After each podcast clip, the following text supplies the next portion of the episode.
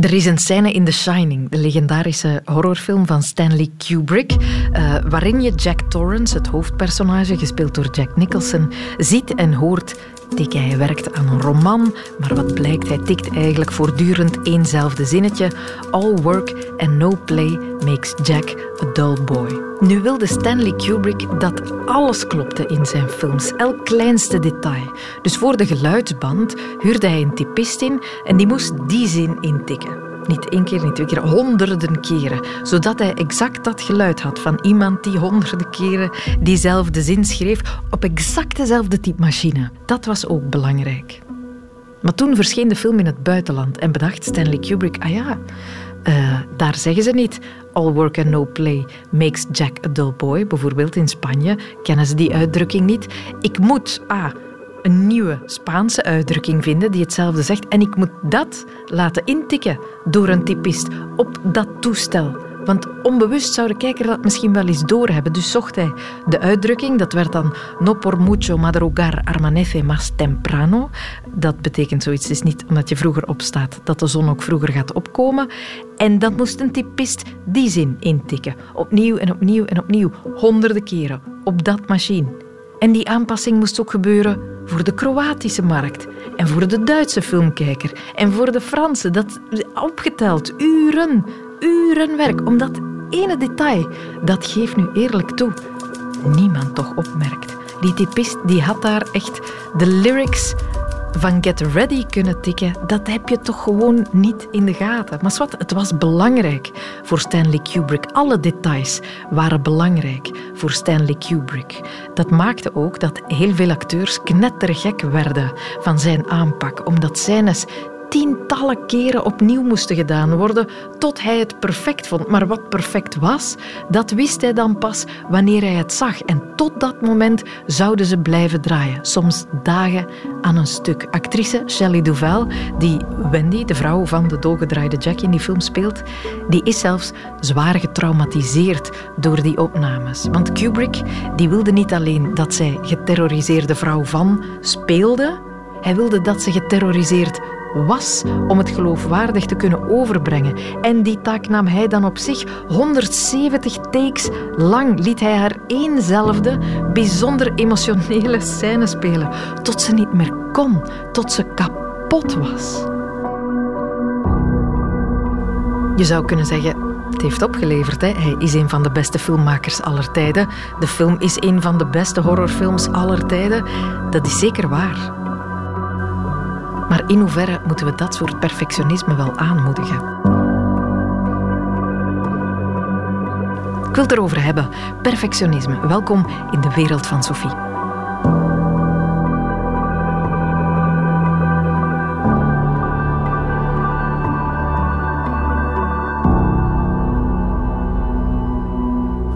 Misschien bent u het ook wel, perfectionistisch. Natuurlijk niet zo extreem als Stanley Kubrick, maar misschien herkent u zich wel in dat altijd maar streven naar meer en beter, het altijd maar rijken, zelden bereiken van de perfectie, de lat die altijd hoog, hoger, hoogst ligt. De kans bestaat, want het perfectionisme in onze maatschappij groeit naar verluid. Ik heb daarover met twee specialisten ter zake gesproken, allebei dokter in de psychologie, allebei expert in perfectionisme. Erna Klaas en Lisbeth Bonen over hoe je het kan behandelen, wat het eigenlijk is en waarom er meer perfectionisme vandaag lijkt te bestaan. Goh, er zijn verschillende oorzaken die men oppert. Het blijven natuurlijk uh, alsmaar hypothesen. Uh, maar zeker in het onderzoek, want er is ook een groot, uh, een groot onderzoek rond gebeurd, gaan we er toch vanuit dat er ja, een aantal maatschappelijke evoluties een rol spelen. Je kunt denken aan de competitiviteit, uh, verantwoordelijkheid die heel sterk bij het individu gelegd wordt. Uh, de maakbaarheid hè, van uh, als je hard genoeg je best doet, dan is alles mogelijk. Um, ook natuurlijk de blootstelling aan, aan het perfecte leven op social media, waardoor dat je soms ook wel het idee krijgt van ik ben hier de enige die stik kapot in mijn bed ligt mm -hmm. en de rest is nog super fit s'avonds om tien uur. Ja. Um, dus ja, er zijn toch wel een aantal factoren in onze maatschappij die anders zijn dan 30 jaar geleden. Uh. Ja, die druk leggen, die ons op een of andere manier impliciet de boodschap geven: jij kan beter hoor, dat idee. Ja. Ja, ja en, en uh, op zich is het niet zozeer uh, de druk van jij kan beter, want daar zouden we nog van kunnen zeggen, uh, oké, dat kan dan nog een drive zijn om iets beter na te streven, mhm. uh, maar vooral ook de druk van, jij bent niet oké als het niet, niet perfect is. ja, ja. Dus, ja, ja. Dus, dus, vooral die druk dat begint te wegen op de mensen. Uh, ja. Ik zei nu daarnet, Stanley Kubrick is een perfectionist, maar, zegt Lisbeth Bonen, Perfectionisten bestaan niet. Je bent geen perfectionist, dat is een gedrag. Een gedrag dat iedereen kan stellen, zoals iedereen wel eens koppig kan zijn, bijvoorbeeld. Bonen spreekt van een continuum en dat gaat van perfectionisme naar optimalisme en iedereen zit daar ergens op. Maar wat is optimalisme? Dat, dat, is een, dat, is een, term die ik eigenlijk graag geïntroduceerd heb. Om eigenlijk ook voor een stuk, want ik ben ervan overtuigd, en elk kind en elke volwassene, die situeert zich ergens op dat continuum van perfectionisme gaande naar uh, optimalisme. En om dat perfectionisme heel goed te begrijpen, vergelijk je dat graag met een soort van bolster. Um, net zoals aan een bolster van een kastanje, we kennen dat allemaal, um, dat, dat, heeft heel sterke eh, stekels. Hè. Mm -hmm. En de functie van zo'n bolster, ja, dat is die kastanje die vrucht beschermen.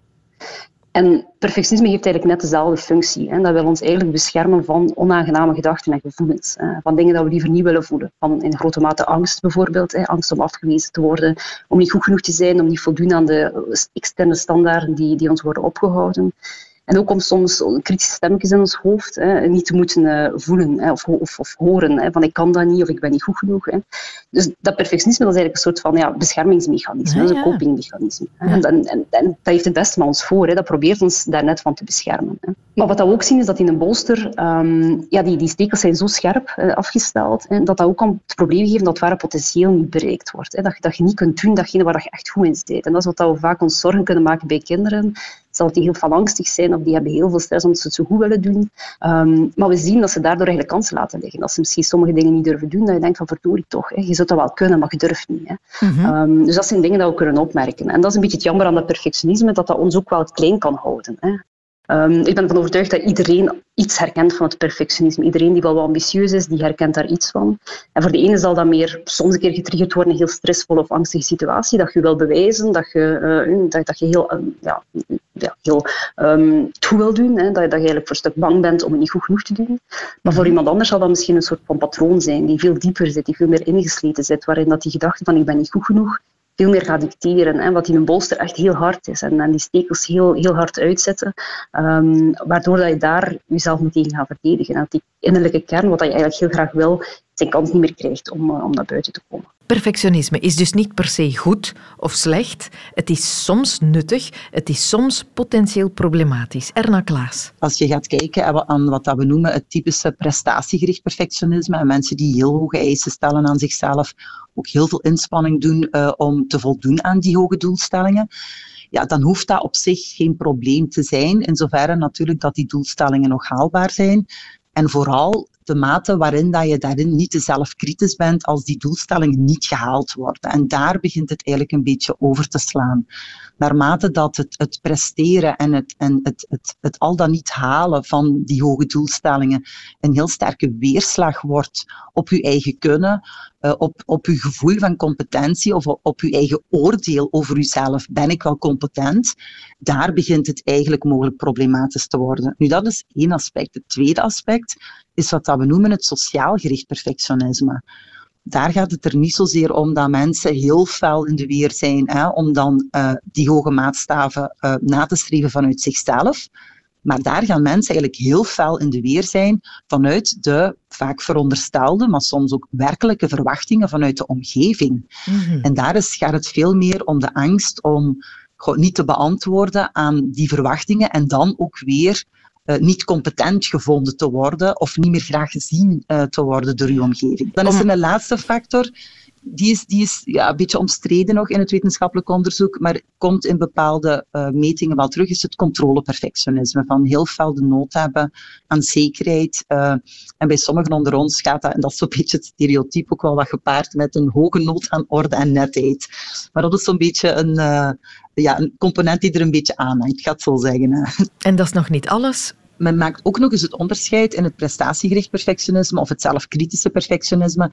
De druk die je dan echt alleen maar op jezelf oplegt, maar ook dan het, het, de druk die je mogelijk gaat opleggen aan andere mensen. Je gaat mensen hebben die zeggen van nee, ik leg het alleen aan mezelf op en niet aan anderen. Je gaat andere mensen hebben die zeggen van oh ja, wat dat voor mij geldt, geldt ook voor mijn omgeving. Dan heb je natuurlijk weer mensen die meer binnen dat sociaal gericht perfectionisme zitten. Dus het zijn op zich geen verschillende types, het zijn verschillende deelaspecten. En hoe dat het dan tot uiting komt bij ene persoon, kan nog heel verschillend zijn van hoe dat het tot uiting komt bij iemand anders. Eh. Ja, ja, ja. Je voelt het, het is een moeilijk begrip. Perfectionisme laat zich niet zomaar vatten in één profiel of in, in een soort diagnose. Het toont zich op duizend manieren. Maar als het problematisch wordt, is het wel vaak wanneer het doel dat je nastreeft eigenlijk gewoon onbereikbaar is. Er is zo'n gezegde van hoe hoger dat je de lat legt, hoe groter de kans dat je eronder doorgaat.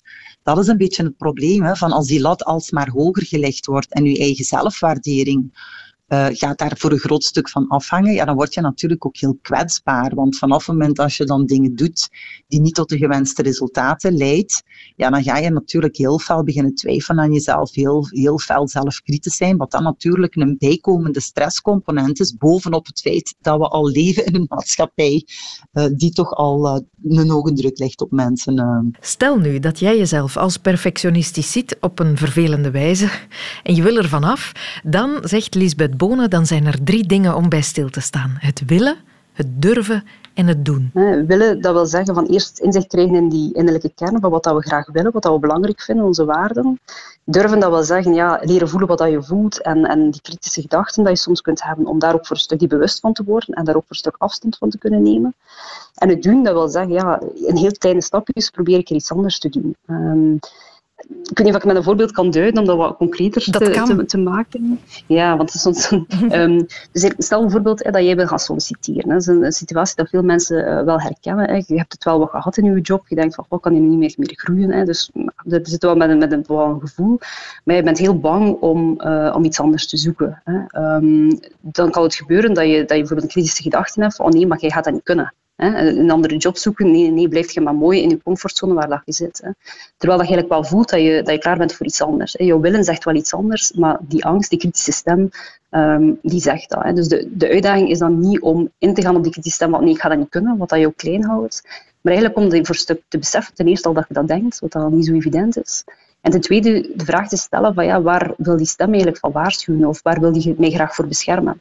Mhm. En dan ga je merken van oké, die wil mij eigenlijk waarschuwen voor als jij gaat solliciteren, ja, dan kun je wel afgewezen worden. Hè. Dat is iets waar we, dat bang voor zijn. Hè.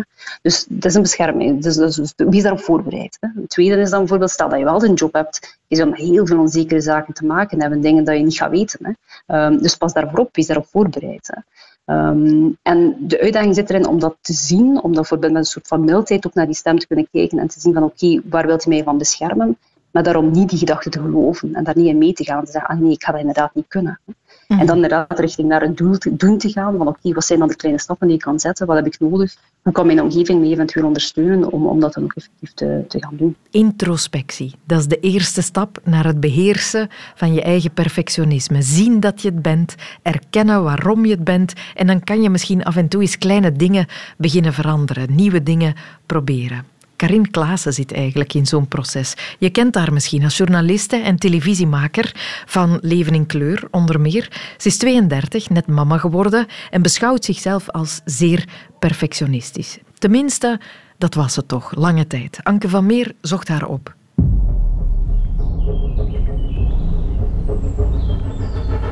Is wat ik doe wel goed genoeg? Of is wat ik doe wel voldoende? Gaat nooit goed genoeg zijn. Goh, ik zal het wel alleen doen. Of wacht, wacht, zal ik dat even doen? Goh, misschien moet ik toch nog even doorwerken. Wat zullen de mensen denken?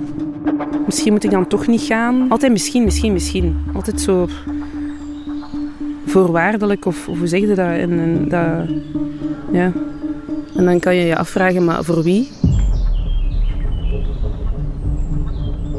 De mensen in mijn nabije omgeving, en daarmee bedoel ik misschien specifieker mijn man, die heeft mij toch al vaker gewezen op het feit dat ik, uh, dat ik uh, perfectionistische trekjes heb, ik zal het zo zeggen.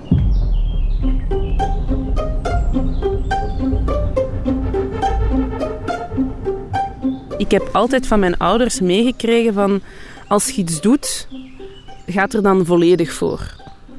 Goede punten halen op school, dat is heel belangrijk. Voor mijn ouders was dat ook belangrijk, gezien hun eigen achtergrond. Zij wilden ook gewoon echt een goede toekomst voor hun kinderen. Ik begrijp dat volledig. En tegelijkertijd mag ik dat niet op mijn ouders uh, pinnen. Ik vind wel dat wij als maatschappij heel prestatiegericht zijn. Als je gaat kijken naar het onderwijs. Mijn fixatie op school, zowel in de lagere school als in het middelbaar, was wel echt van... Ik moet het zo goed mogelijk doen en ik moet het zo juist mogelijk doen en opschrijven. Want dan heb ik de hoogste punten. En dat is toch het doel hier op school. Ik herinner mij wel als kind dat ik, ehm, ik... Ik stond veel op het podium, in die zin dat ik in het... Uh, theater en in de danswereld zat. En ik herinner mij dat ik, dat ik altijd bang was om het finale resultaat te tonen op scène, omdat ik altijd maar verder wou trainen. Um, ik herinner me heel levendig op een bepaalde leeftijd. Ik denk dat ik 16, 17 jaar was. Wij waren met uh, het theatergezelschap Fabuleus in, um, in Utrecht. En voor wij op scène gingen, ben ik totaal geblokkeerd. Omdat ik heel de tijd een mantra in mijn hoofd had van het is niet goed genoeg, het is niet goed genoeg. En op dat moment, dat is wel een heel extreem voorbeeld, ben ik echt um, bevroren. En kon ik niet. En heb ik ook echt niet meegedaan ik merkte wel op die leeftijd al als adolescent van oké, dit is echt niet oké als, als het je gaat verlammen. Als je echt ervoor gaat zorgen dat je gewoon niet meer doet wat je echt graag doet. Uh, omdat je denkt dat het niet goed genoeg is.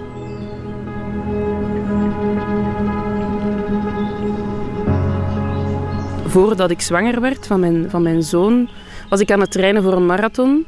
Ja, en ik vind dat de max. Ik vond dat heerlijk dat ik een trainer had die echt zo schema's had, want ik moest trainen op hartslag. En dus die fixatie op die getallen en het proberen perfect uitvoeren van dat trainingsschema, dat was voor mij wel kicken. Tegelijkertijd voelde ik mij echt... Al je mocht dat aan mijn, mijn lief vragen. Ik, ik voelde mij echt soms... Het voelde alsof ik echt gefaald had als ik eens een training boven de 160 beats per minute zat of zo het feit dat ik mij mentaal potentieel kan verliezen in zo'n structuur of in zo'n schema, daar moet ik wel mee oppassen. Als het gaat over, over, over werk bijvoorbeeld, ik heb een verleden op de nieuwsdienst. Uh, ik werkte voor duidingsprogramma's als Ter Zaken en De Afspraak. En ja, daar ook merkte ik in montage na na een reportagedag, ik kon echt wel tegen die deadline schuren. Echt... Uh, soms als tot seconden voor antenne. Tot mijn eindredacteur dacht, Karin, waar is die reportage? Maar ik, ik, ik wou blijven proberen en schuiven. En mijn monteurs werden daar soms ook gek van. Hè? van uh, ik, ik, ik focuste zodanig op details. En, en, en details waarvan mensen, en ik begrijp dat nu, zeggen van, maar dat, dat is eigenlijk echt niet zo belangrijk. En, en misschien is 80% van wat jij doet, misschien is dat wel goed genoeg.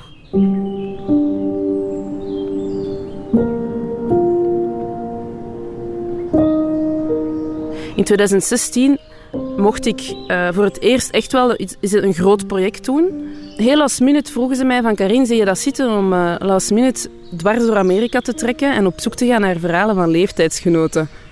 Ja, dat was voor mij het eerste fantastische project dat ik heb mogen maken voor VRT. In die zin dat ja, je maakt een roadtrip met een fantastische ploeg doorheen een heel um, fascinerend land, zeg maar.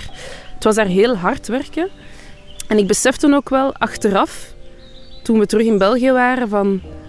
Je bent zo hard gegaan en het moest zo juist zijn voor u, dat je sommige kansen hebt laten liggen om er ten volle van te genieten ook. En daar let ik nu wel meer op. Omdat voordat je het weet, zijn die, zijn die momenten of die projecten of die, die ervaringen voorbij. En, en dat is het laatste wat je wil, is zo terugkijken naar de dingen en beseffen van, ah shit, ik heb er niet van genoten. Of shit, ik had er meer uit kunnen halen, puur qua gevoel. Zo.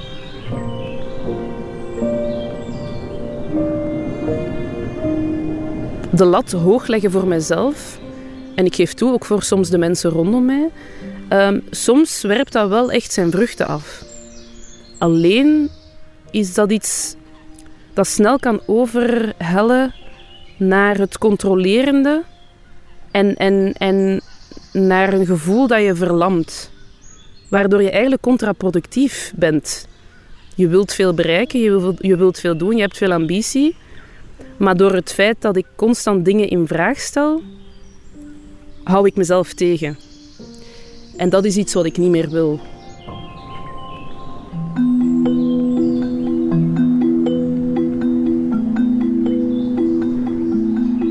In het begin van die coronacrisis ben ik zelf ook echt wel gaan vertragen. In het algemeen in mijn leven. Ik sta nu meer stil bij de dingen dan vroeger. Ik zat te veel in mijn hoofd en te weinig in mijn hart of in mijn onderbuik, snap je? Ja, het was echt kwestie van terug die balans te vinden en, en te gaan voelen van ja, maar wow, wow, wow, misschien moet ik niet kijken naar mijn smartwatch, hoe ik heb geslapen en of dat, dat dan perfect zoveel uur was en, en wat mijn body battery zegt bijvoorbeeld. Onlangs zei ik dat ook tegen mijn lief van, ah oh, schat, ik ben zo moe, mijn body battery staat zo laag. En dan besefte ik van, Karin, uw horloge zegt dat. Allee, dus je ziet, nu heb ik dat niet meer aan omdat ik dat gewoon niet meer wil. Ik wil gewoon dat mijn lichaam zelf zegt, ben ik moe of niet. Dat zijn zo van die kleine zaken die voor mij wel echt het verschil maken. Een kind krijgen helpt mij ook. Ik heb, dat is niet de reden waarom ik, waarom ik uh, een kindje op de wereld heb gezet. Maar ja, sinds ik mama ben, nu ja, tien maanden geleden, ben ik moeder geworden voor het eerst. En ja, dat, dat heeft mijn wereld gewoon op zijn kop gezet in de goede zin van het woord. Het laatste wat ik wil is mijn kind leren dat hij perfect moet zijn en dat alles perfect moet zijn. Het idee alleen al geeft mij rillingen. Ik weet ook dat kinderen spiegels zijn, dus ik wil ook niet gaan zeggen later tegen mijn kleine van ah, hè? niet perfect zijn of, of ik wil dat gewoon niet zeggen. Ik wil dat doen en dus motiveert het mij wel als jonge mama om ehm, om los te laten. En dat begint echt al bij kleine zaken, vanochtend aan het ontbijt. Hij zit in zijn stoel en er liggen stukjes, ik zeg maar iets, boterhammen voor hem. En hij begint daarmee in het rond te smijten. Ja, vroeger zag ik daar echt... Mijn hartslag zou de hoogte ingaan. Van, oh nee, het is vuil en het moet toch, allez, het moet toch netjes blijven. Dat kan ik nu wel echt lossen, omdat ik dat echt wel tegen mijzelf zeg.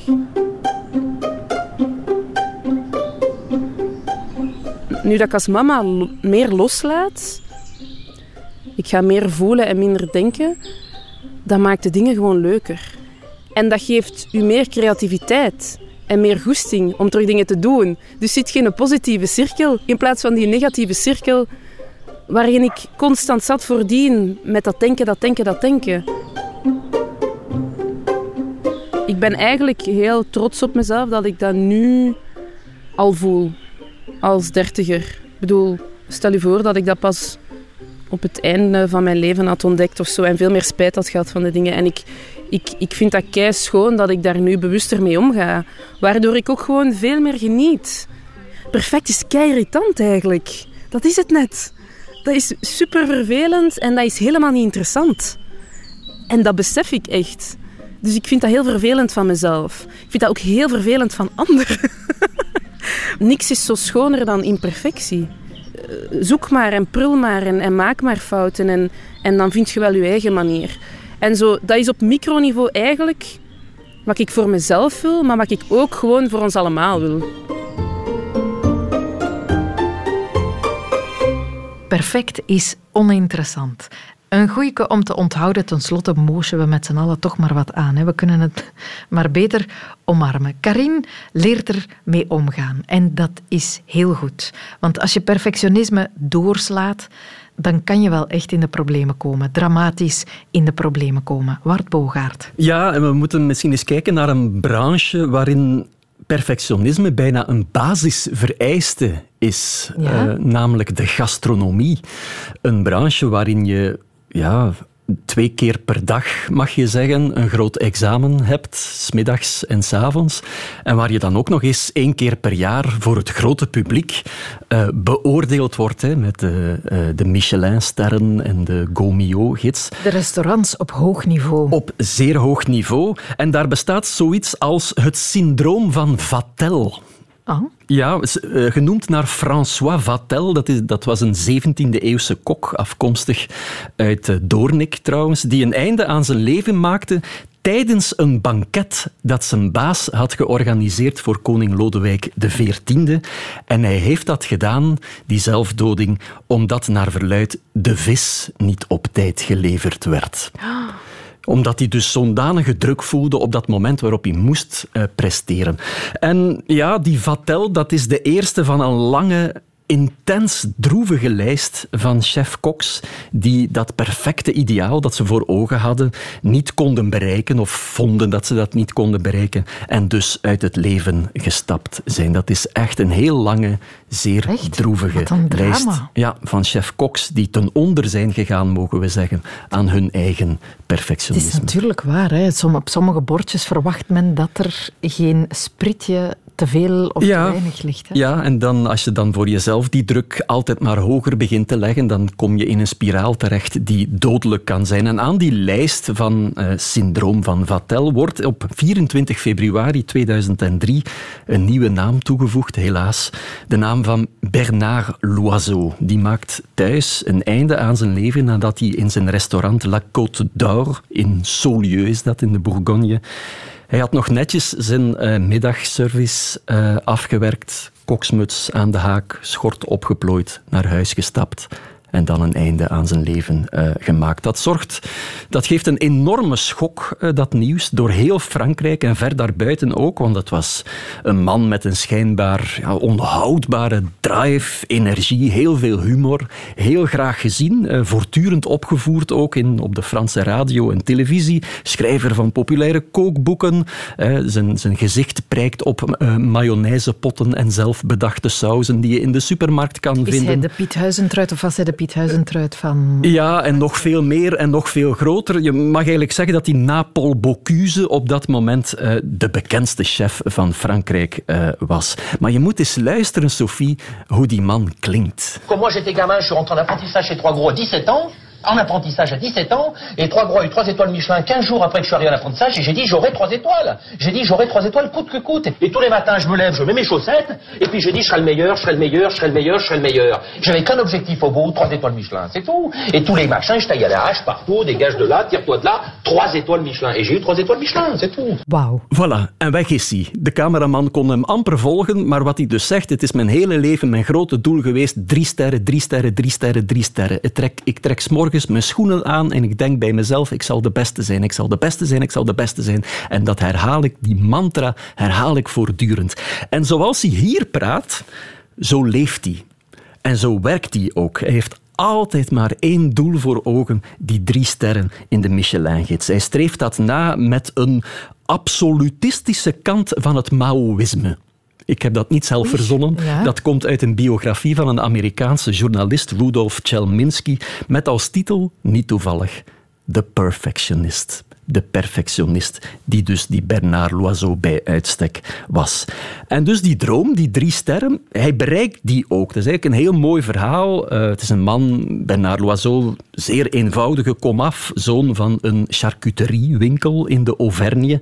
En hij belandt als jonge leerjongen in Parijs al snel bij de grote chefs. En in 1975, hij is dan nog maar 24 jaar, waagt hij een zeer grote gok. Hij neemt La Côte d'Or in Saulieu over. La Côte d'Or, dat was in de jaren 50 dan vooral een grootheid. Een van de bekendste restaurants in Frankrijk. Een instituut met aan de muren foto's van bekende klanten. Hè. Orson Welles, Salvador Dali, Pablo Picasso, General de Gaulle. Je weet hoe dat gaat. Hè. Mensen mhm, pakken dan mhm. uit met die grote gasten die daar ooit zijn geweest.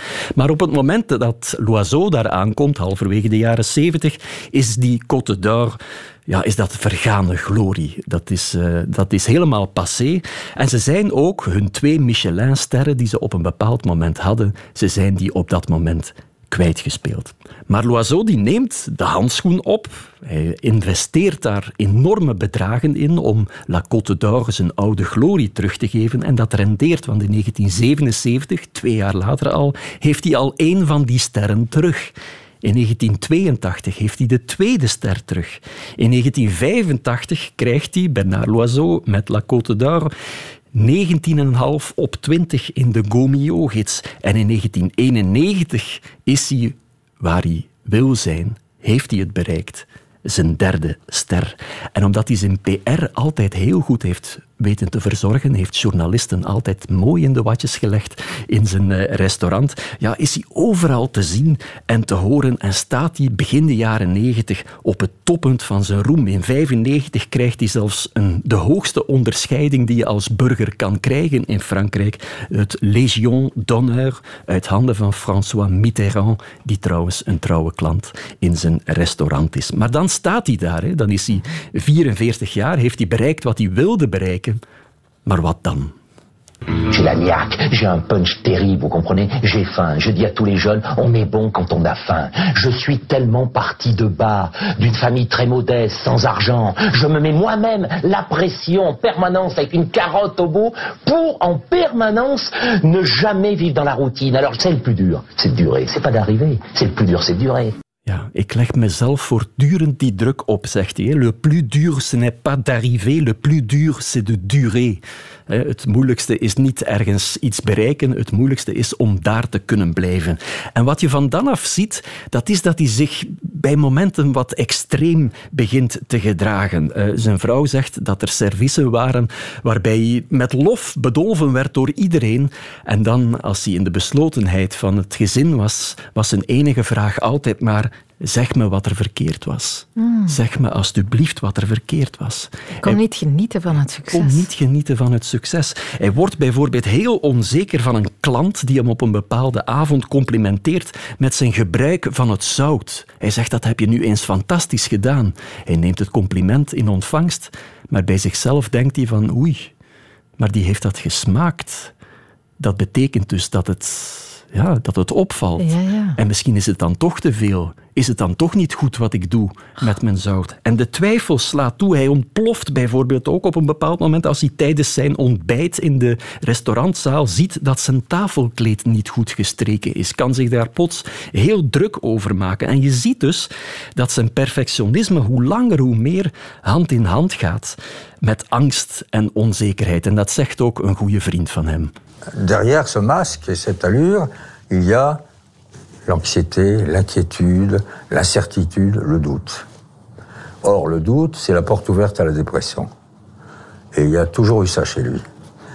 Euh, il le dissimulait, il le planquait, il, mettait une chape de plomb sur euh, ce monstre Il mettait une chape de plomb sur ce monstre. Hij legde een loden vloer op dat monster van de onzekerheid, van de twijfel, van de depressie, die op dat moment altijd wel bij hem aanwezig is. Er gaan verhalen dat hij aan de Prozac zit nadat hij een inzinking heeft gekregen in een van zijn restaurants die hij in Japan uh, had geopend. En de druk op hem die wordt altijd maar hoger. Hè. Hij heeft ook altijd maar meer schulden. Hij investeert in drie restaurants in Parijs, opent dat restaurant in Japan. Hij maakt van La Côte d'Or een soort wellnessparadijs. Uh, naar verluid uh, heeft hij leningen lopen van 50.000 euro per maand op een bepaald moment. Er is ook een enorme evolutie in de gastronomische wereld op dat moment. Hij is een klassiek geschoolde kok die altijd met de produits du terroir werkte en volgens de seizoenen.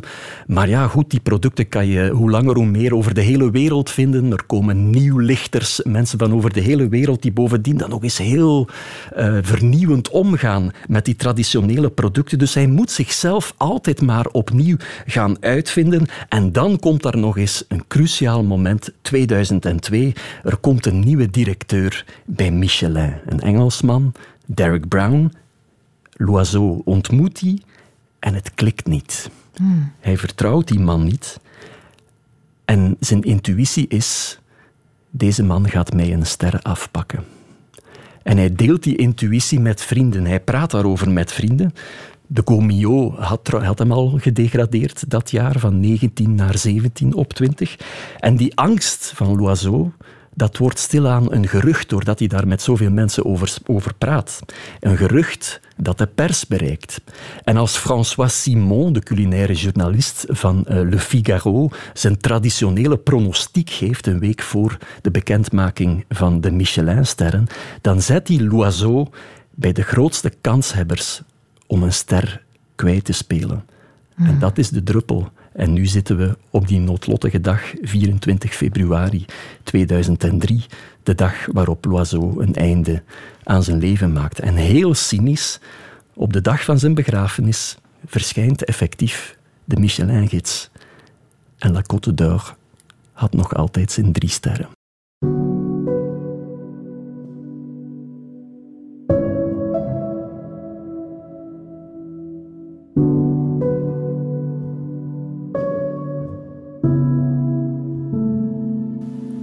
Absoluut drama.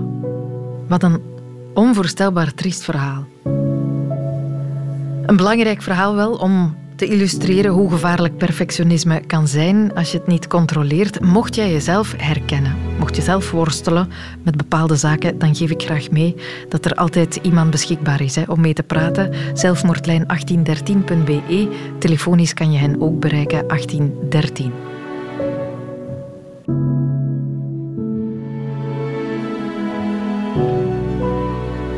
Je luistert naar De Wereld van Sophie, een podcast, maar ook een radioprogramma. Wij zijn er elke weekdag tussen 10 uur en 12 uur op Radio 1. En uh, toen we dit verhaal vertelden op de radio, reageerde meteen Hendrik Dierendonk. Hij stuurde een berichtje dat hij het verhaal van Bernard Loiseau zo herkenbaar vond. Dierendonk, dat is een grote naam in de Belgische gastronomie. Hij is Slans bekendste beenhouwer, levert aan de beste restaurants, maar hij heeft zelf ook een restaurant met een ster, Carcas, in Kokseida. Mart Bogaert besloot hem te contacteren. Ik zit zelf in een wereld van perfectie. Ik heb winkels, ik heb een eigen horecazaak ook met een ster.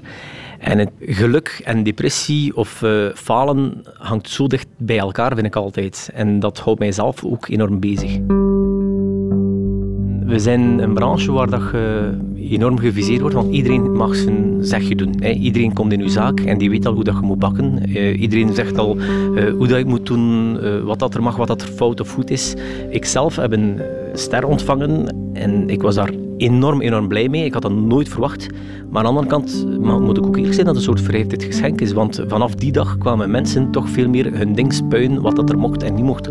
Wat zij vonden die goed was. Dus je creëert een soort stress die je misschien wel niet wilt. Ik heb zelf, ik ben iemand met ambitie. Ik zie dat niet onder stoelen of banken, want ik ben van een kleine benerij gegroeid naar, naar vijf winkels en een restaurant. En ik denk vooral waardoor dat ik gegroeid ben, waardoor dat ik die ambitie heb, is door appreciatie van uw klanten. Dus daarmee komt het op hetzelfde neer. Die appreciatie van uw klanten, die doet u groeien. En anders zijn ze ook zo bang van afgewezen te worden van uw ding niet goed te doen. Dus het is misschien wel een constante strijd in uzelf. Is één negatief klein commentaartje, weegt dat zwaarder door dan honderd positieve loftuitingen? de positieve dingen horen we vaak niet. Het is ook bewezen als mensen op restaurant gaan en ze maken en het is goed, zeggen ze tegen twee mensen of aan hun vrienden van het was lekker.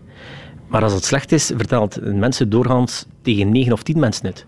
En dat is spijtig en ik kan er niet tegen als er iets slecht gezegd wordt. Ik, kan daar, ik ga daarmee slapen, ik trek mij dat aan, ik ga daarover nadenken hoe ik dat ga oplossen. Uh, dat blijft mij bezig, want dat blijft frieten aan u. Zou jij jezelf een perfectionist noemen? Of is dat maar gaandeweg gekomen?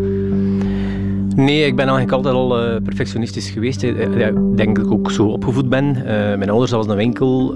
Details waren belangrijk en details maken het verschil. En je gaat je fixeren op alle details die er ook maar zijn. Ik ga een winkel binnenkomen en ik ga direct tien of twaalf of meer dingen zien die, die naar mijn zin zijn.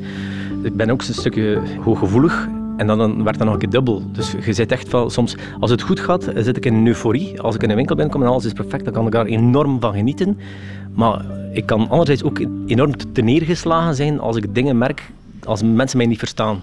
Ja. Hoe, hoe ver dat ik het wil drijven. En hoe uit je dat?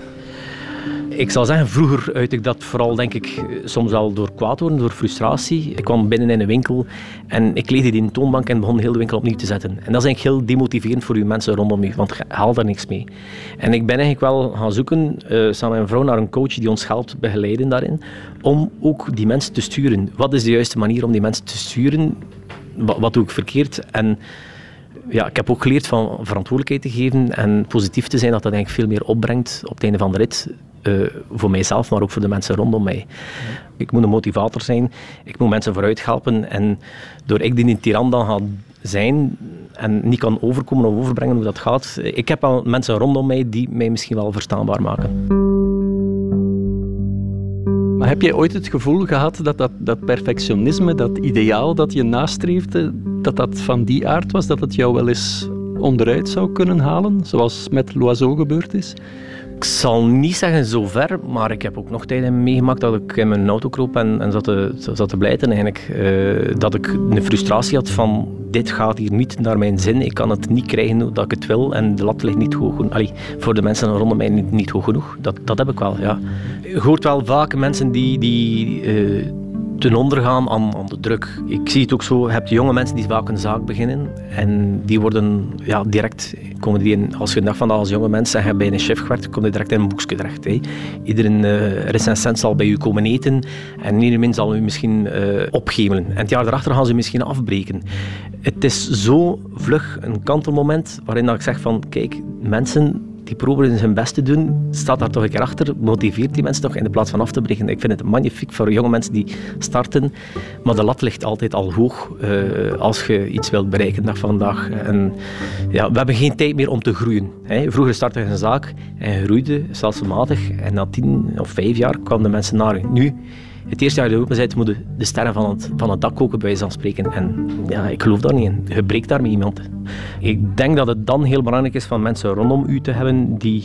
Ja, je moet dingen relativeren. En ik ben nu 48 jaar. Ik kan nu meer relativeren of dat ik uh, tien jaar terug deed.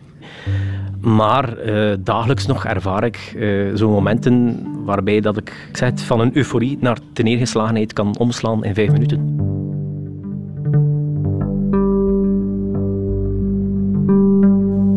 Is toch een soort gevarensector, hè, blijkbaar, voor wie neigt naar perfectionisme. De wereld van de gastronomie. Een wereldje bij uitstek waarin onze prestatiemaatschappij zich toont. Het werd al gezegd, hè, onze samenleving stimuleert perfectionisme. Het houdt van de topprestatie. En dat is een van de redenen waarom er nu meer perfectionisme opgemerkt wordt. Dat ziet ook professor Ignace Glorieux van de VUB. Hij is arbeidssocioloog en hij kon meteen een evolutie aantonen. Vroeger, lang geleden, in de premoderne samenleving, lagen onze kaarten helemaal anders. Toen lag jouw rol in de maatschappij veel meer vast dan vandaag. Kleine noot, de lijn was niet zo ideaal, maar ik vond het zo interessant dat ik het u wel heel graag wil laten horen. Dus Ignace Glorieux. Je wordt geboren in een bepaalde groep. Uh, uw vader heeft een bepaald beroep en de zoon gaat dat beroep overnemen. Er is geen, geen sprake van mobiliteit. Vrouwen weten wat ze moeten doen. Mannen weten wat, ze, wat, wat hun rol is. Uh, je behoort tot een bepaalde familie die bepaalde verplichtingen. In India behoort je tot een bepaalde kaste. En er is nooit de ambitie, of zelden de ambitie, om daaruit te treden, want dat, dat ligt vast. Dus mhm. meestal ook religieus gekleurd, geduid. En eigenlijk het, het beste dat we kunnen bereiken is een beter leven als we gestorven zijn. Vandaag moeten we alles zelf maken. Onze positie hangt af van wat we zelf presteren als individu. Je moet het zelf doen. Dat wordt ons van kleins af ingepompt. Laat u niet doen. Eh, presteren. En we, je moet het in dit leven doen, want er is geen ander leven. We mhm. geloven, of de meeste van ons geloven niet meer, dat er een beter leven hierna is. Dus wij moeten alles eruit halen hier en nu. En dat is een. Dat is enerzijds dat, dat, dat uh, toegeschreven status is voor ons een beetje vreemd, want daar kun je niks aan veranderen en daar moet je mee leven. Maar langs de andere kant is dat ook geruststellend, want wij moeten alles zelf maken. Het is ook nooit voltooid. Hè? Die mhm. positie is nooit bereikt. Je kunt nooit op je lauren rusten, want je moet altijd zorgen dat je je positie behoudt of verbetert. En, en als je faalt, ja, dan, hangt het, dan, dan heb je het aan jezelf te wijten. Ofwel zijt je eh, niet goed, ofwel heb je je best niet gedaan, zijt ah, je lui geweest. Het, het, is eigenlijk het model dat we ook verheerlijken, dat we celebreren, dat we eh, eh, in de sport, hè, ik denk dat dat ook een van de redenen is waarom de sport zo populair is. Daar eh, in de sport speelt de competitie optimaal. De, als de competitie vervalst wordt, dan zijn we kwaad. Dan, dan, dan, dan. En, en degene die wint, die mag terecht op het podium staan, die, die krijgt alle credits. En degene die verloren is, ja, die heeft hij moet maar zien dat hij de volgende keer beter doet en, en beter zijn best doet. Want iedereen komt gelijk aan de meet, dus iedereen heeft evenveel kans. Ja, dat is onze ideologie natuurlijk. We weten natuurlijk dat dat niet helemaal klopt, hè, of, of zelfs mhm. helemaal niet klopt. Wij doen alsof, dat is ook wel een beetje de illusie. Hè? Want wij weten heel goed dat niet alle kinderen uh, gelijke kansen hebben. We werken daar wel aan, we hebben zelfs een minister van gelijke kansen. En, en, en we, we, we klagen het aan waar we kansenongelijkheid zien. Maar langs de andere kant, de kansenongelijkheid is nog altijd verschrikkelijk groot. Hè? Mhm. Uw kansen op, op, op goed werk, op een goed leven, eh, ja, is, is vrij voorspelbaar van in uw kindertijd. Hè? Vanuit het milieu waar dat je komt, zelfs in onze samenleving. Dus dat is ook een beetje het, het spagaat. Hè? Wij doen alsof en leggen de nadruk op dat individu terwijl dat we eigenlijk, zeker als socioloog, dat is een van de dingen die, die veel sociologen bestuderen, eh, weten dat die sociale achtergrond nog altijd heel belangrijk is. En dat die kansenongelijkheid voor een stuk fictie is. Hè. Ja, absoluut. En dan is de druk ja, vreselijk om te ondergaan als we dat fabeltje volhouden dat je wel dezelfde kans hebt gekregen. Tegelijkertijd, hè, want uh, je kan het hebben over onderwijs, over je beroep, over je succes in het leven. De druk komt vandaag van alle kanten. Hè? Want je moet daarnaast een leuke papa zijn ook. En een goede vriend. En een mhm. verantwoordelijke burger. Met een engagement tegenover de maatschappij. Je moet overal presteren nu. Ja, ook in de consumptie. We moeten ons onderscheiden in, de, in, in, onze levensstijl. En dus dat betekent in onze consumptie ook um, wat we eten, op welke, eh, welke restaurants dat we bezoeken, welke vakanties dat we boeken, welke muziek dat we beluisteren, welke boeken dat we lezen, welke hobby's dat we uitoefenen, zijn allemaal dingen waar we ons vaak heel subtiel ook in gaan onderscheiden van anderen en waar we in competitie treden met anderen, waar we voortdurend ook kijken of dat we wel de juiste dingen doen. En dan liefst toch een beetje anders. Typisch is zo, de, de, de, uh, als je op reis gaat, ergens iets gaan bezoeken dat heel exclusief is, wat niemand anders. En het, het, waanzinnige is dan natuurlijk dat in reisgidsen, zoals in The Lonely Planet, dan staan daar eh, tips in die niet toeristisch zijn, wat, wat miljoenen toeristen natuurlijk weten en daar elkaar ontmoeten. Maar, dus dat eh, subtiele onderscheid en zorgen van als de massa iets gevonden heeft, dan gaan we, degenen die zich willen onderscheiden, gaan dan weer iets anders. Als iedereen naar Spanje gaat, eh, ja, dan, dan, dan gaan wij een andere plaats gaan zoeken. En als die plaats gevonden is, ik zeg maar iets in Thailand, wat, wat heel populair geworden is, dan gaan we weer iets anders. En dan gaan we misschien dichter bij huis gaan. Ook daar heb je eigenlijk een statuscompetitie en een, wat, wat Alain de Botton, de, de Franse filosoof, Zwitserse filosoof, statusangst noemt. Hè. De, dus mhm. angst om niet mee te zijn, hè, om, om te falen op dat vlak. Ongetwijfeld vallen daardoor mensen uit de boot. Hè. Niet iedereen kan uh, aan al die uh, torenhoge verwachtingen voldoen. Hè. Nee, en het is ook een illusie hè, dat mensen courant uh, citytrips maken, de beste recepten maken, een mooi onderhouden tuin hebben, goed geklede kinderen. Nee, dat is niet zo. Maar als iedereen alleen maar die mooie dingen post, dan hebben we de indruk dat iedereen perfecte levens heeft. En als je in die illusie, die ook, ook door de boekjes bij manier van spreken of de weekendbijlages in stand gehouden wordt, als je die illusie gelooft, ja, dan kunt, daar, daar werd op, op gewezen in het eerste uur ook, dat kunt je niet anders dan ongelukkig voelen. Hè. Ja, creëer je ook afgunst en misschien zelfs woede op een bepaald moment. Hè? Ja, ja, dat is ook zo. Dat, dat is ook zo voor een stuk. In, in, zeker in die, in die statuscompetitie ziet je dat, dat er een bepaalde groep is die niet mee kan en die zich daar tegen afzet en die net dan het omgekeerde gaat doen. Wat, wat die status, ik ga maar zeggen elite, maar het is eigenlijk geen elite, de, de beter gesitueerden in die, in die statusgroepen, de, de, de hogescholden, zijn daarom niet de superrijken, die, die ook een egalitair ethos uitdragen en opkomen voor minderheden en voor uh, minderheidsgroepen. En degenen die niet mee kunnen met die groepen, gaan zich daar vaak tegen afzetten door bijvoorbeeld openlijk racistisch te zijn, homofoob te zijn, uh, voor, voor populistische partijen te gaan stemmen, omdat ze op die manier goed weten dat ze die, die, die betere statusgroep daarmee pijn doen. Mm dat, dat, is een vreemde dynamiek um, die, ja, die, die, die, misschien meer uitleg, die, die misschien meer aandacht zou, allee, waar we meer tijd zouden moeten hebben om hem beter te kunnen duiden. Maar wat mhm. je eigenlijk ziet dat binnen die, die, die statische competitie ook heel vreemde dynamieken ja, voordoen, die ook politieke implicaties kunnen hebben. Ongelooflijk, hè?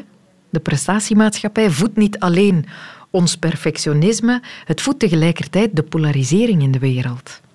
Ik vroeg professor Glorieux nog of hij misschien advies had voor mensen die wat lijden onder hun eigen perfectionisme. En dit is wat hij zei. Goh, ik, ik, denk voor uzelf wel, is, is gewoon wat minder willen. Hè. Het, is, het is altijd dezelfde boodschap. Hè. Eh, als je met minder tevreden bent, minder afgunst ook, minder kijken naar, naar uw, uw peers die, ja, als iemand drie keer op reis gaat per jaar, oké, dat is tof, maar moet je daarom zelf ook drie keer op reis gaan per jaar? Of als iemand, ik zeg maar iets, uh, eh, 50 eh, boeken leest per jaar en jij komt maar aan, aan, aan 15 boeken per jaar, so what? Mm Legt de norm eerder in uzelf dan bij de anderen. En, en, en betekent niet dat je niet je best kunt doen of dat je eh, niet ergens iets wilt bereiken. Ik wil volgend jaar de 20 kilometer lopen, oké, goed. Maar, maar ga niet, eh, eh, ga daar niet te fanatiek in. En als dat niet lukt, oké, goed. goed dat, dat is geen drama. Dat betekent niet dat je niet iets kunt nastreven, hè, want dat kan voldoening geven als je een doel bereikt. Maar leg je doelen ook een beetje realistisch en kijk niet te veel naar de anderen uh, mm -hmm. op dat vlak. Fuck them all. Zo zeg ik het soms. Maar dat is minder elegant geformuleerd. Maar zijn er nog adviezen, straatwijsheden die we misschien hier nog kunnen meegeven om wat meer chill, relax, ontspannen in het leven te staan? Reporter Brecht ging op stap op zoek naar Chili Willies. Ik vind dat een verkeerde doelstelling, perfectionistisch zijn. Je moet gewoon leven op je eigen manier, op een toffe manier en het beste van het uit het leven halen. Volgens mij heeft u de perfecte tips om dat te doen. Inderdaad. Ik heb ook het voordeel van gepensioneerd te zijn. En dan is het natuurlijk veel gemakkelijker van zo'n uitspraken te doen. It's got to be Bent u een perfectionist? Ja, men zegt me dat toch altijd, ja. ja. Altijd, niet alle dagen, maar ja. U zou het minder willen zijn? Het is misschien altijd niet het ideaal van perfectionist te zijn. Maar ik denk dat het ook niet zo gemakkelijk is voor uw gevoelens te, te veranderen. Je zet het of je zet het niet. Zeer perfectionistisch. Zeer, oei. Ja, inderdaad. Dat, dat is stressvol. En is dat een probleem? Want soms besef ik dat ik voor mezelf veel strenger ben dan voor een ander. Dus als ik dan een resultaat zie van iets wat ik gedaan heb en ik ben daar niet blij mee, dan denk ik... Dan sta ik erbij stil van, moest iemand anders deze resultaat afleveren, zou ik wel blij zijn. Dus dat is zo'n uh, een gedachte die soms door mijn hoofd gaat. Ah ja. Niet strenger zijn voor jezelf dan dat je voor een ander zou zijn. Wat we vaak wel doen. Ben je dan een beetje jaloers op mensen die zo heel chill door het leven gaan? Uh, ja, ik heb dat al een paar keer gedacht dat ik daar jaloers op ben. Maar dat, ik denk dat dat ook nadelen met zich meebrengt. Ja. Dat zou je niet perfecter maken, een beetje chiller? Dat zou mijn leven rustiger maken. Maar ik zie er ook de voordelen van in. Dus ik denk niet dat ik dat zou veranderen, moest ik het kunnen veranderen.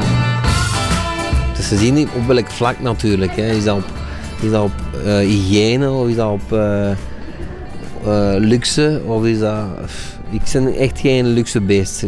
Dat, dat heb ik echt niet nodig. Luxe. De, de mensen hebben veel eh, luxe problemen, vind ik. Wat dat eigenlijk geen problemen zijn. Want ik heb eigenlijk een carrièrevrouw gehad. En, en dat was... Uh, dikwijls hadden wij, hadden wij woorden omdat voor haar haar werk het belangrijkste was. En dat was echt een carrièrevrouw. Uh, die telefoon die ging nooit geen vijf minuten van haar weg of zo. Die pakte die mee naar haar bed en zo. Uh, ze had wel een hoge functie, maar ja, er is nog iets anders in het leven dan alleen maar werken. Hè. Zou je zeggen dat zij dan te perfectionistisch was en jij te chill? Ja, ik, ik, heb, ik heb dat... Allee, Soms ging dat zo ver uh, dat, uh, dat ze zelfs ziek ging gaan werken. Snap je? Uh, als ik ziek ben en ik, ik voel mij niet goed om te gaan, dan ga ik ook niet werken. Ik ga naar een dokter. En een dokter zegt, je blijft een weekje thuis. Dan blijf ik een weekje thuis. Maar zij had een berichtje van een dokter. En ze ging toch werken, snap je? Ook al was het niet perfect, het moest perfect zijn. Ja, ja, ja. En dat is echt niet nodig. Dat is echt niet nodig. Maar ik vraag mevrouw, bent u perfectionistisch aangelegd? Nee, toch niet. Niet? Nee. U bent chill, wat ze zeggen. dat weet ik niet, maar niet perfectionistisch. Um, heb twee vragen. Eén, hoe doet u dat? En twee, zou u meer perfectionistisch willen zijn misschien? Nee, ik wil niet meer perfectionistisch zijn, want dan zijn denk ik niet snel tevreden. En ja, ik mediteer, dus dat brengt wel kalmte en rust en vrede in mijn leven. En dan moet er minder perfect afgeleverd? Ja, dan is dat gemakkelijker, denk ik, om dat los te laten, om het niet perfect te doen. Maar ik ben sowieso geen perfectionist. Ik weet niet wat dat, dat is, perfectionisme. maar u ziet het misschien rond u. Ja, mijn dochter is perfectionistisch. En dat is inderdaad uh, leren loslaten. En dan op een bepaald moment is het goed geweest en dat dan ook aanvaarden. Het kan nog beter, je kunt er nog, nog heel lang aan werken, maar brengt dat dan nog genoeg op? Niet altijd.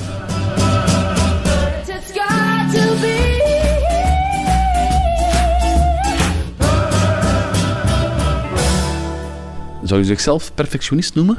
Uh, nee, ik ben niet religieus, maar ik geloof heel hard in de 80-20 regel. 80% van het resultaat voor 20% van de inspanningen. En de overige 20% van het resultaat, daar heb je 80% van de inspanning voor nodig. En die is naar mijn geloof verspild. Dus nee, als het ongeveer goed is, is het goed. 80% goed? Ja, ja, ja. Maar je mocht dat niet tegen mijn klanten zeggen. Ah, u heeft een winkel. nee. Uh, regelmatig discussie bij ons thuis. Van uh, goed genoeg is ook goed. Het moet, hoeft niet perfect te zijn. Discussie, u leeft samen met een perfectioniste? Helaas, ja. Helaas, ja. Dus we leren veel van elkaar, ik zal het zo zeggen. En wat leert u haar? Uh, minder perfectionistisch te zijn. Goed genoeg is ook goed. Het, het hoeft niet altijd perfect te zijn. Het kan nooit perfect zijn trouwens. Ik ben veel productiever met alle dingen 80% goed te doen dan iemand die alles 100% goed doet. Want hij heeft vijf keer zoveel tijd nodig om iets 100% goed te doen, waar ik maar 20% van de tijd nodig heb om iets 80% goed te doen. Dus ik krijg veel meer gedaan dan anderen. Ik dacht eerst, meneer bedoelt, uh, hij is lui, maar nee, je hebt gewoon een veel hoger rendement. Uh, luiheid is de bron van hoger rendement. Moesten wij niet lui zijn van aard, dan zouden wij nu nog in de bomen zitten. Is de bron van alle vooruitgang, luiheid. Waarom hebben de mensen de fiets of de auto uitgevonden? Omdat ze te lui waren om te stappen. We zijn een beetje perfecter met zo'n fiets of een auto rond ons. Nee, we zijn efficiënter. Dankzij die luiheid en dankzij mijn gebrek aan perfectionisme ben ik dan nog eens vijf, vijf keer efficiënter dan iemand anders die perfectionist is. U klinkt als een diehard in het. Uh, ik vind het interessant. In het chill zijn. U bent echt chill, hè? Uh, ik hoop dat, ja. ja. Ik ben graag chill, ja. Er is niks in uw leven waar u toch perfect in wil zijn? Uh, ik wil perfect zijn in het niet perfect zijn. In die 80%, 80-20% regel. Ik heb het ook wel graag allemaal goed in orde. Het moet allemaal goed oké okay zijn. Het moet allemaal uh, een beetje ook tip-top zijn. Uh, het moet echt in orde zijn. Bedoel, want ja, halfwerk is, is, is, ja, is geen werk. dan is het ook niet af. dus ik vind als je het goed doet, dan moet het ook goed doen. Hè. Ik bedoel, ja, maar, maar hoor ik in uw stem ook zoiets van, ik zou wat minder willen zijn? In sommige dingen wel, ja. In sommige dingen wel. En op welk vlak zou je wat meer chill willen zijn? Uh, ik denk een beetje meer op uh, privévlak. Uh, dus meer het huishoudelijk vlak eigenlijk. Daar ben ik een beetje, een beetje maniak in eigenlijk.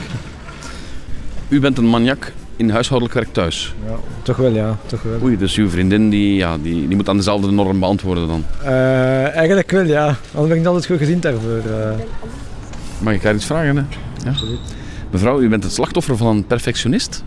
Ja, toch in thuishouden, ja. Dus wel al soms als heftige discussies van geweest. Maar ja, moet dat een beetje aanvaarden. We zijn al ook al twaalf jaar samen. Ondertussen ook uh, een dochter van vijf maanden. En ik ben meer chill in het huishoudelijk. Ik zeg altijd, in een huis moet geleefd worden. Maar op mijn werk ben ik dan wel perfectionistisch. Dus dat moet dan wel heel goed zijn voor mij. En in het huishouden is het meer chill. En dan ja, dat is, bij mij is dat zo ja. Soms botst dat een keer. Hè. Ja, ik probeer aan te werken. Hè. Ik weet ook een beetje waar ik moet op letten. En uh, ook een beetje zowel wat aan mij stoort en aan haar stoort. En uh, ja, we proberen dat samen aan te werken. En ja, dan komt dat wel goed. Hè. Want allee, het ziet er toch vrij perfect uit nu, hè? Ja, natuurlijk. Tuurlijk, ja. ja, natuurlijk, tuurlijk, hè. Het, we, hebben, we hebben een goede relatie en we, we zijn gelukkig met elkaar. Anders zijn we twaalf jaar niet samen, natuurlijk. Hè. Dus... Ja, ik moet natuurlijk ook een beetje de blitz met een buil nemen. Hè. Ik bedoel, iedereen heeft zijn, zijn goede kanten en zijn minder goede kanten. Ofwel, als je al nu zelf een beetje daaraan kunt werken, vind ik dat wel mooi. En wie van jullie heeft nu het probleem? Jij met je perfectionisme of zij met daar chill zijn? Ik denk eerder, ik denk eerder ik eigenlijk. Kijk, uh, op naar ergens de gulden middenweg. Misschien Ja. ligt die middenweg daar in die, in die koets. Uh, ja, sowieso. We zijn blij met ons kleintje van vijf maanden. En uh, ja, daar doen we ook alles voor. En natuurlijk, ja, zowel met kleine kinderen als met grote kinderen in huis, ja, uh, is er altijd een beetje chaos. Hè. Dus dat blijft zo. Hè. Oh, ik vind ze vrij perfect. En volgens mij is dat een chille perfectioniste. Ik hoop dat ze dan de kant van haar moeder gaat kiezen. En, maar ja, dat is... ja, je bent wie je bent. Hè. Dus, uh, maar ik probeer het wel dan aan te werken elke dag. En dan komt dat wel goed.